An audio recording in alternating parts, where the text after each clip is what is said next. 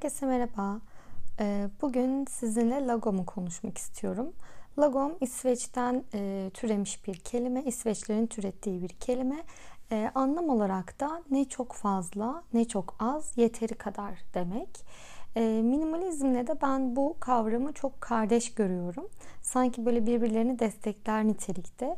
Hani meşhur slogan vardır ya az çoktur less is more. E, bu kavramın da sanki bir alt metni gibi az çoktur ama dengeli olmalıdır. Hani yeteri kadar olmalıdır ifade ediyor bence.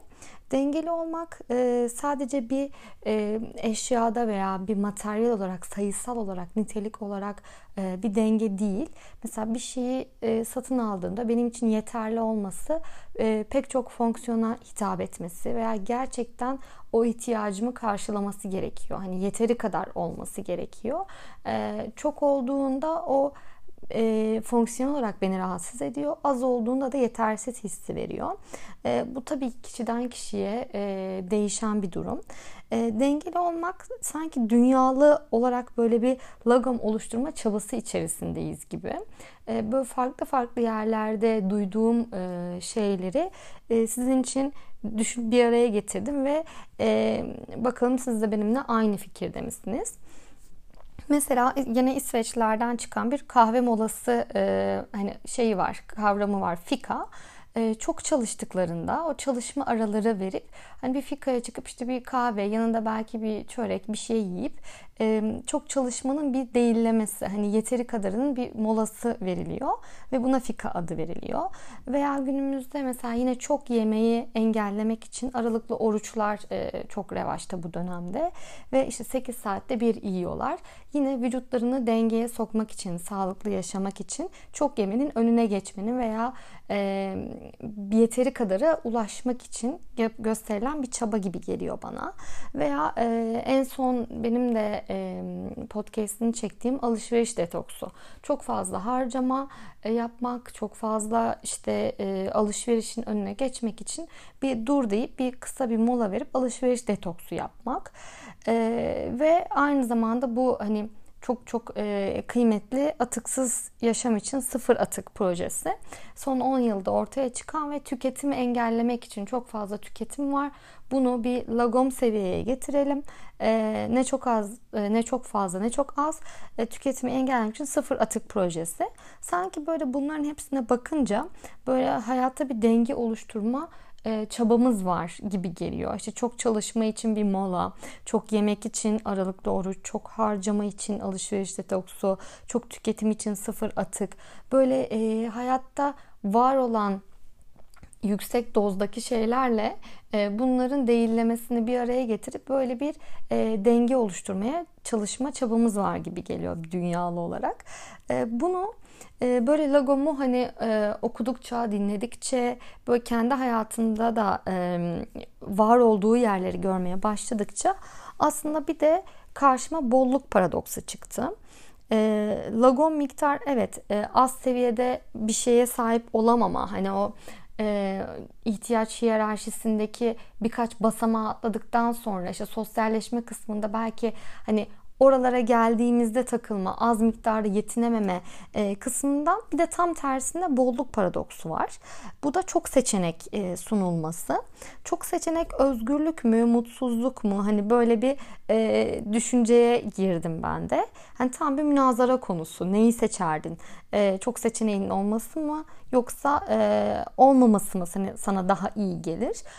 Bu zannediyorum King yasası olarak da geçiyor.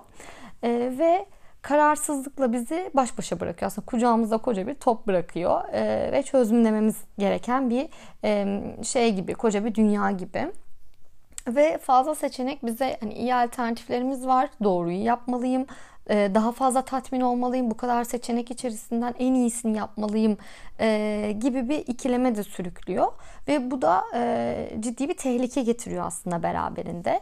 Hem karar almada e, sürekli sorgulama e, ya yol açıyor. Gerçek dışı yüksek beklentiye giriyoruz. Hani bu kadar e, seçenek varken e, çok iyi bir şey sahip olmalıyım, en iyisine sahip olmalıyım gibi bir beklentiye giriyoruz ve sonunda da eğer istediğimiz o kadar yükseltiyoruz ki ulaşmak istediğimiz şeyi sonunda da e, o tatmine ulaşamadığımızda kendimizi suçlu hissediyoruz. İşte yanlış tercih yaptım gibi.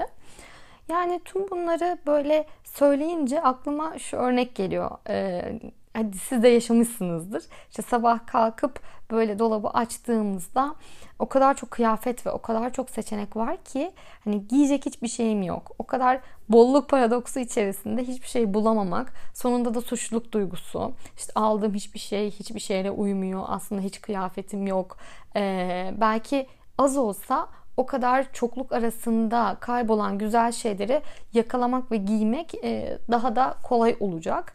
Hani bunu da minimalizmle bağdaştırdığımda az çoktur kavramının e, ne kadar kıymetli olduğunu e, görüyorum. Veya işte bu üniformalaştırma kavramının ne kadar kıymetli olduğunu görüyorum. Hem karar alma hem pişmanlık yaşamama, tatmin duygusu hepsini barındırıyor bence içinde. E, bu bolluk paradoksunun da çok meşhur bir örneği var. Hani bu kadar bahsedip de bu örneği vermeden e, geçmeyeyim dedim. E, belki siz de duymuşsunuzdur. E, bir reçel örneği var. Reçel standı, iki tane reçel standı oluşturuluyor. E, iki farklı stand. Birinde 24 çeşit reçel var. Diğerinde ise sadece 6 çeşit reçel var. İşte kendinizi o mağazaya girmiş hissedin ve 24 çeşit reçele bakıyorsunuz.